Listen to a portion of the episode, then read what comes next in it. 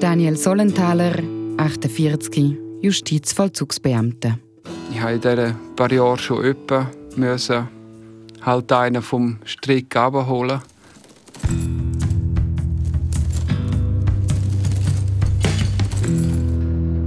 Podcast. Kaum jemand verbringt so viel Zeit mit den Insassen im Gefängnis wie die Vollzugsbeamten. Sie begleiten die Insassen durch den Tag, durch die Nacht und manchmal durch das tiefste Tal. Sie verbringen mit ihnen mehr Zeit als mit der eigenen Familie. Und das aber immer auf mindestens eine Armlänge Distanz. Wie so eine Beziehung zwischen Insassen und Vollzugsbeamten aussieht und wer im Gefängnis zu sagen hat, erzählt mir heute im Podcast der Daniel Zollenthaler.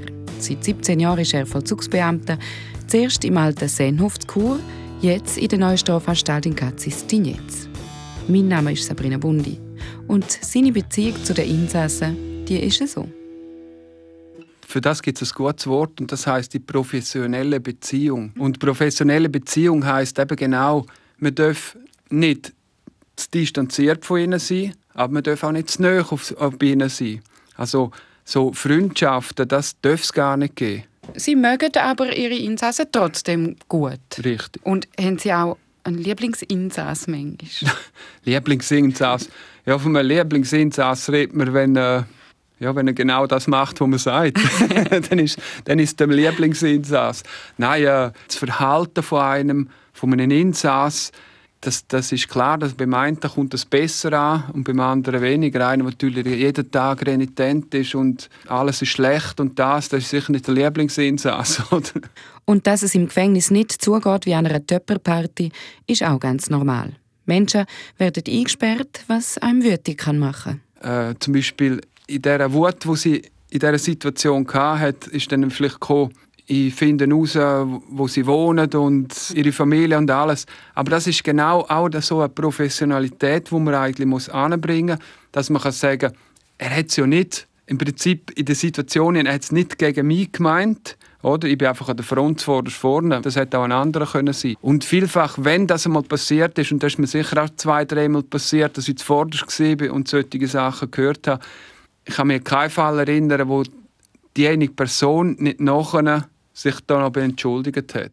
Im Fall von einem Angriff ist der Daniel Sollenthaler aber nicht bewaffnet. Respektiv, er hat einen Gurt mit Sachen dran wie einem Alarm, eine Art Kabelbinder als Handschellenersatz, Gummihändchen, weil manchmal fließt Blut oder es könne zum Beispiel auch mit Kot geworfen werden.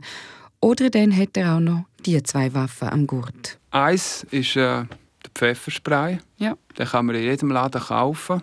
Und dann gibt es noch eine zweite Waffe. Und die kann man nicht kaufen. Und das ist der Respekt. Der Respekt, den ich auch ich erwarte auch vom Insass Respekt. Also gebe ich auch den Respekt ihm. Egal, was für eine Person es vor einem steht. Und, und das ist eigentlich eine gute, von dem her eine persönliche, gute Waffe, wo man sich mit dem kann ja, mit dem identifizieren und einmal schützen tut. Und die schützt gut. Und sein Respekt gilt jedem Insass, weil jeder gleich behandelt wird, egal welche Tat er verbrochen hat. Ob es jetzt ein Militärverweigerer ist, ein Drogendealer oder ein Kindermörder. Am Anfang von seinem Job hat er aus Neugier noch etwa die in ein Dossier hineingeschaut, wer welches Delikt gemacht hat. Mit der Zeit sei ihm das dann aber gleich geworden. Es gibt aber Delikt, da muss er Bescheid wissen, wer sie gemacht hat. Zum Beispiel äh, Pädophile. Also ich glaube, für eine, für eine Familie oder so, wo so betroffen wird von dieser Seite von einem Pädophilen, die können das wahrscheinlich nicht verstehen, wie jetzt wir mit dem umgehen. Aber es geht auch darum, ihn zu schützen, ihn, also hinter dem Mauer, auch vor den anderen und so. Mhm weil wir haben natürlich auch im, im Gefängnis gibt's Hierarchiestufen, oder? Und die Hierarchiestufe von dem Pädophilen, der ist ziemlich weit unten ja. angesiedelt. Und wenn dort natürlich andere Mitinsassen das mitbekommen, dass er ein so einen ist, ja, das ist dann meistens nicht so gut. Oder auch Sexualstraftäter, die sind auf dieser Hierarchiestufe auch ziemlich unten. Was oder? kann denn passieren? ja, eben nicht so gut. Zusammenschlagen, oder? ja, dann ist genau solche Sachen ja. könnten eben passieren. Ja, wir sagen jetzt heutzutage sagt man Mobbing zu dem. Wer sind denn aber so die Platzhirsche? Mörder. Mörder und, und, und äh, ich sage jetzt, die harten Typen vom Gefängnis. Das sind die, wo die sind ein bisschen in der, in der, im Rangdings oben drin. Weil man oder? Angst hat vor ihnen? Das ist wie so eine, wie so eine Gockelverhalten zum Teil auch, oder? Mhm. Ich bin, oder? Was bist du? Ah, du hast da ja einen umgelegt, oder? Dann hast du schon, ui, von dem musst du Respekt haben, weil das ist, aber der, der brüstet sich mit dem, oder? Darum sind die ein bisschen dort oben angesiedelt. Aber das sind nicht alle, die so sind, oder?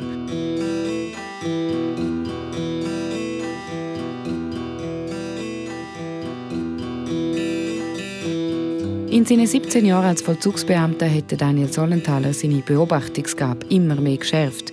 Ihm fällt sofort auf, wenn zum Beispiel ein Insass Zigaretten kauft, aber nie raucht, oder sich plötzlich mit anderen Insassen unterhalten, wo er vorher nicht geredet hat. Ihm fällt aber auch zum Beispiel auf, wenn es ihm vielleicht einmal nicht gut geht von der Erfahrung, die ich jetzt die letzten zehn Jahre in einer Abteilung gemacht habe, da konnte ich sagen, morgen, wenn ich nur in die Kamera geschaut habe und dann sehe, den Gang durchlaufen oder die Stege durchabkommen, dann habe ich schon gewusst, es geht ihm gut oder es geht ihm nicht gut. Mhm. Ich bin schon so weit, gewesen, dass ich Teil Leute kennt habe, die genau gewusst, wo sie jetzt hinlaufen. Im schlimmsten Fall aber passiert das, was im Gefängnis nicht unüblich ist, nämlich ein Suizidversuch.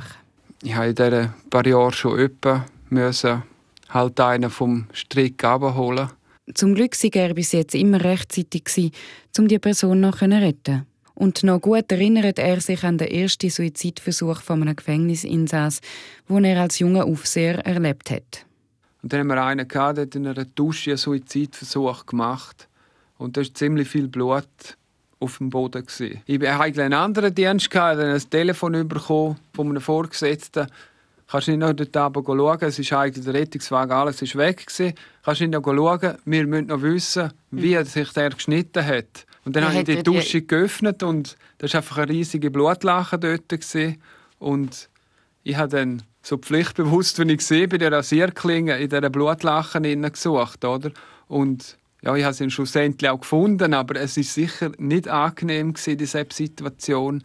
Und was für mich auch das erste Mal war. Und mhm. er hat gesagt, gut, es ist meine Arbeit, du musst es machen. Also ich muss vielleicht so sagen, es ist hier noch ein bisschen anders gelaufen, als es jetzt äh, 16, 15, 16 Jahre später ist. Oder? Mhm. Da war auch noch, gewesen, das ist dein Job, da musst du Mann stellen und so weiter. Ich hätte mich nie getraut, zu sagen, ich suche jetzt die, die Rasierklinge nicht dort drinnen, oder? Zu den schweren Situationen, die ihm nachgehen, gehören auch solche von der Ausschaffungshaft. Dort geht es nämlich fast am härtesten zu und her. Also, wenn ich unter den Kollegen jetzt schweizweit, wenn wir Kurs haben oder so, und man hat gesagt, man ist in der Ausschaffungshaft, dann hat es immer geheißen, das ist eines der härteren Regime. Weil schlussendlich, sie sind ja nicht kriminell, oder? Und die haben zum Teil wirklich einen langen Weg gehabt. Das kommen so 18-, 19-Jährige. Und dann musst du sagen, der ist gleich alt wie, meine Kinder daheim. Und ist jetzt einfach, wenn ich mir vorstelle, meine Kinder wären in einem Land, hätten nichts, also die haben keine Taschen dabei keine Koffer, einfach nichts, oder? Die haben mir wirklich Bilder gezeigt, wo sie auf diesen Gummibooten sind. Die haben mir erzählt, wie sie durch andere Länder durch sind, dass sie entführt worden sind und Geld haben müssen von der Familie nachschicken lassen, dass sie überhaupt wieder rausgelassen haben. Es sind Leute bei uns angekommen, die Schusswunden hatten. Und das sind genau so Sachen, wo, wo dann, sie sind dann bei uns gelandet, oder? Nach langem Hin und Her in der Ausschaffung. Und Ausschaffung heißt zurück an den Start, mhm. oder? Und das ist dann das ist dann vielfach echt schwierig für die zu verstehen. Und dann habe ich natürlich dort auch viele Situationen gehabt, von wegen, bevor ich zurück in mein Land gehe, bringe ich mich um oder das und jenes. Also, ja, Haben Sie denn auch Mitleid oft? Mitleid, Mitleid ist falsch. Mhm. Es ist meine Arbeit und ich mache sie gern, mhm. oder? Es hat mir, also ich muss jetzt auch da, ich würde lügen, wenn ich würde sagen, es ist nicht so. Es hat auch schon solche gehabt, und ich muss sagen, also wenn es nach mir gegangen wäre, mhm. es ist wirklich, es sind hoch anständig und ja, die haben kein Problem nichts gemacht und hat auch wollen arbeiten. Sie sind drinnen gesehen, die haben Deutschbücher gehabt und haben Deutsch gelernt und Deutsch gelernt und Deutsch gelernt. Ich habe ihnen auch geholfen, die, die wollen, oder? Und nachher, ich genau gewusst, er geht irgendwann wieder. Aber es wäre jetzt genau einer gewesen, der das auch will. Man sagt ja immer, wenn du stehen bleiben dann musst du auch etwas bringen, oder? Und sie haben es gemacht und gemacht, aber gleich keine Chance gehabt, dass es dann schlussendlich zum Ziel geführt hat und haben dann halt gleich zurück müssen. Um die Erlebnisse zu verarbeiten, würden Vollzugsbeamte viel miteinander reden. Und der Daniel Sollenthaler hat aber auch noch einen ganz anderen Trick, um die Bilder nicht mit heimzunehmen. Er lebe nämlich in zwei Welten, wie er sagt. Ich habe zum Beispiel früher außerhalb der Stadt gewohnt. Dann bin ich, habe ich meine Arbeit gemacht. Also ich bin zur Arbeit gekommen, mhm.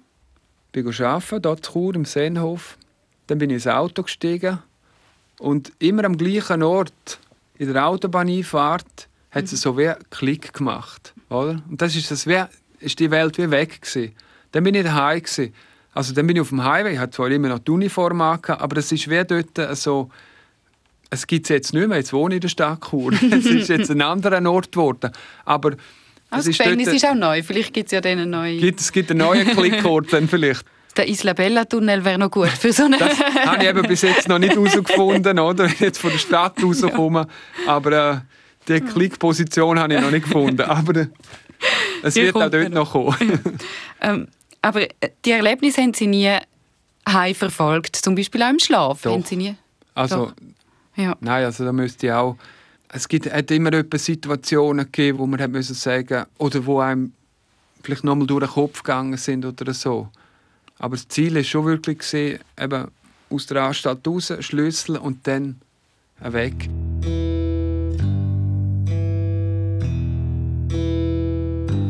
Besonders lustige Momente gäbe es aber natürlich auch bei der Arbeit. Darum tun wir zum Abschluss vom Podcast noch mal ein bisschen über die reden.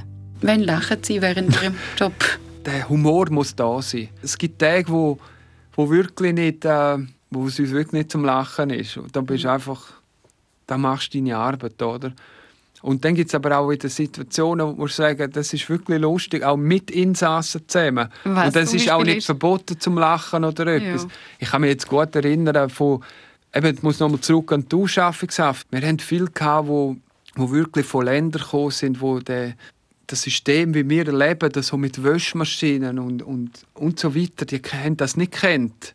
Und dann haben wir einen gehabt, nur so als Beispiel, der hat, der hat seine Kleider waschen und dann nicht einmal gewusst, dass das eine Waschmaschine ist. Wir hatten eine Waschmaschine dort und da haben dann erklärt, da können dreckige Kleider da rein tun. Dann haben mich noch gefragt, was passiert denn mit denen. Ich habe gesagt, ja, die kommen mhm. wieder sauber raus. Und er hat dann gemeint, die können wir rein und wieder rausnehmen. Und er hat gesagt, nein, wir müssen schon noch eine Weile warten, bis die fertig sind. Und dann haben ich weiß nicht, haben wir, glaube ich, anderthalb Stunden Programm rein tun. Ein bisschen zu länger als, ich denke, dann kommt es ganz sauber.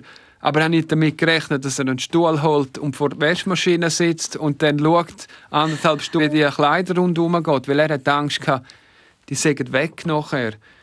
Ja. zum Teil haben wir wirklich Leute gehabt, die sind mit nichts gekommen. Die haben ihre Hosen und ihr Liebling. Und jetzt haben wir seine letzten Hosen und Liebling noch in so eine komische Maschine rein ja.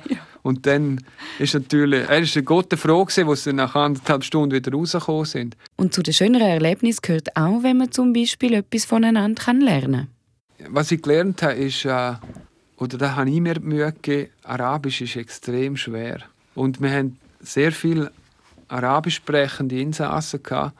Und ich habe mir dort einmal die Mühe genommen, dass sie wenigstens auch können in ihrer Sprache ihnen gute Nacht sagen. Und das haben sie mir dann gesagt, oder? Zuerst ist das ist auch so etwas, oder? Wenn einer ein arabisches Wort jetzt mir sagt, wo nicht arabisch kann, habe ich zuerst mich auch versichern, heisst das wirklich das, was er mir sagt? Da kann man ja erzählen, was er will.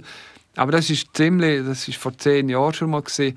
Und das habe ich eigentlich durchgezogen ich habe dann gewusst, was Gute Nacht heißt auf Arabisch. Und es ist noch interessant wenn irgendeiner ein Neueintritt gekommen ist, mhm. ist jetzt ein Arabisch sprechender gesehen, schaut uns als Polizist an und äh, wir sind die Bösen, oder? Wir sperren sie ein. Und dann gehst du am ersten Abend vorbei und bevor du die Zellentüre zumachst, sagst du dem auf Arabisch Gute Nacht. Mhm. Und mittlerweile haben sie es auch noch verstanden. Wir fangen so gut worden, dass äh, dann ist gerade das Lächeln zurückgekommen. Und mit einem zufriedenen Lächeln geht Daniel Solenthaler auch ins neue Gefängnis arbeiten, weil dort erwartet ihn eine neue Aufgabe. Er ist dran, um in Kazistignetz eine Altersabteilung aufzubauen. Ich höre mit einem sehr zufriedenen Lächeln die erste Folge vom Podcast auf. Ich danke Daniel Solenthaler herzlich, dass er mit mir geredet hat. Und ich danke euch ganz herzlich, dass ihr mögen zuhören Auf dem Instagram-Account vom Podcast könnt ihr übrigens den Daniel Solenthaler auch auf dem Foto sehen. Danke euch vielmals und bis bald.